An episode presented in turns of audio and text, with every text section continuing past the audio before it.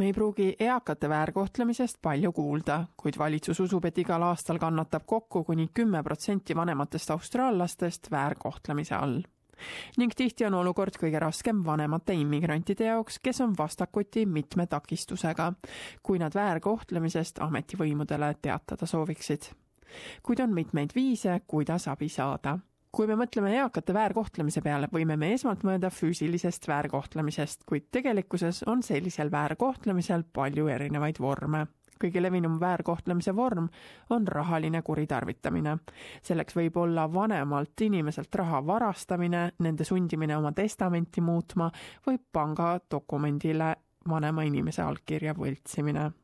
esineb ka psühholoogilist, vaimset ning seksuaalset väärkohtlemist põhimõtteliselt toimub eakate väärkohtlemine siis, kui keegi, kellel on inimesega usaldussuhe, kasutab seda ära sellele vanemale inimesele kahju või kannatuste tekitamiseks. väga tihti muudab eraldatus vanemaid inimesi haavatavaks. Aleksander Abramov on eakate hoolduse juht. tema sõnul võib vanemaks immigrandiks olemine suurendada sotsiaalset eraldatust. It is a language barrier, it is a misunderstanding of or a lack of knowledge of the service system.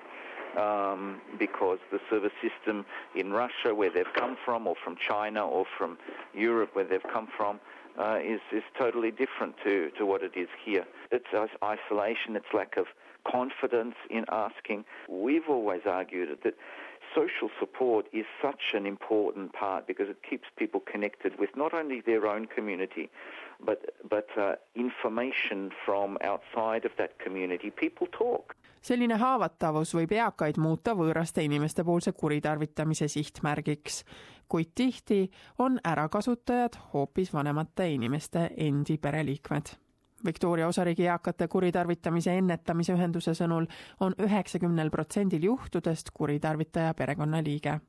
Greg Maani, kes on Lääne-Austraalias asuva vanemaid inimesi toetava Advocare organisatsiooni tegevjuht, ütleb, et kuritarvitajad on peamiselt täiskasvanud lapsed An abuser in the case of elder abuse can be anyone, but overwhelmingly the research, both from the experience at my organisation, Advocare, and through the research elsewhere, shows that sons and daughters, or stepsons and stepdaughters, are the most likely abusers of older people.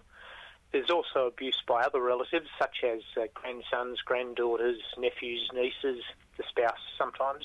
vanemate multikultuurse taustaga inimeste jaoks võib keel olla lisabarjääriks. organisatsiooni Aged Care juht Aleksander Abramov ütleb, et keeleoskus piirab inimeste tutvusringkonna suurust ning piirab ka nende finantsilisest või juriidilisest otsusest arusaamist You can imagine someone that doesn't have a big network of people and relies on one or two people. It's very easy for those people um, to, uh, you know, get the old person to sign something that they didn't understand what they're signing, um, or uh, they're a big bother to the person, and even though the uh, the carer, in inverted commas, is supposed to be helping the person stay at home, uh, what they're in fact doing is they're waiting for that person basically to die uh, and, and providing very minimal support.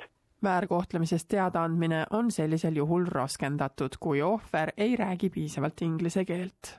Advocate'i esindaja Greg Maani selgitab, et sellepärast kasutavadki sellised organisatsioonid nagu tema oma sõltumatuid tõlke. A real issue we sometimes encounter when we're dealing with a migrant who's got a elder abuse problem is we need to talk to them to find out the information. And quite often it's a relative who, or someone who's very close to the family who wants to be the translator. And the problem with that is we can't be 100% sure that what's being translated to us is exactly the right information, or whether the person who's doing the translation isn't perhaps being 100% uh, accurate in the translation.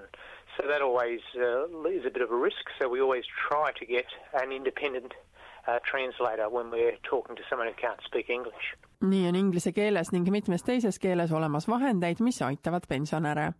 igas osariigis on olemas organisatsioon, kes toetab eakate väärkohtlemise ohvreid. Advocate'i esindaja Greg Maani soovitab nende abitelefonile helistada. Almost all states also have an elder abuse helpline, so people can call the elder abuse helpline um, in their own state or even another state, and they'll be able to get some good help through calling those numbers. And but the most important thing I think is that you don't have to just uh, take the abuse. Uh, you, it's not normal to be abused as you get older, and it's important that you do something about it. ning kui te ei saa abitelefonile helistada, siis on olemas inimesi, kellele te saate oma elus toimuvat usaldada, nagu näiteks teie perearst, kirikuõpetaja või mõni sõber, keda te usaldate. Melissa Chaperlin on New South Walesi osariigi eakate õigusteenuse jurist. ta soovib, et vanemad inimesed mõistaksid, et neil on õigus ise oma otsuseid teha. It's important to be aware that as we age, we still have rights. Um, we still have the right to make our own decisions and communicate those decisions. Um, we get varying levels of capacity, but we're able to continue to make decisions uh, that we understand the consequences of. And also, it's important that older people be aware that there are services out there where they can get free legal advice and assistance and information so that they continue to exercise those rights and manage their affairs for as long as they're able to. Kui te arvate, et te ise või keegi, keda te tunnete, on eakate väärkohtlemise ohver, siis helistage oma koduosariigi eakate väärkohtlemise telefoninumbrile, et abi saada. Nende telefoninumbri leiate internetist koduleheküljelt myagedcare.gov.au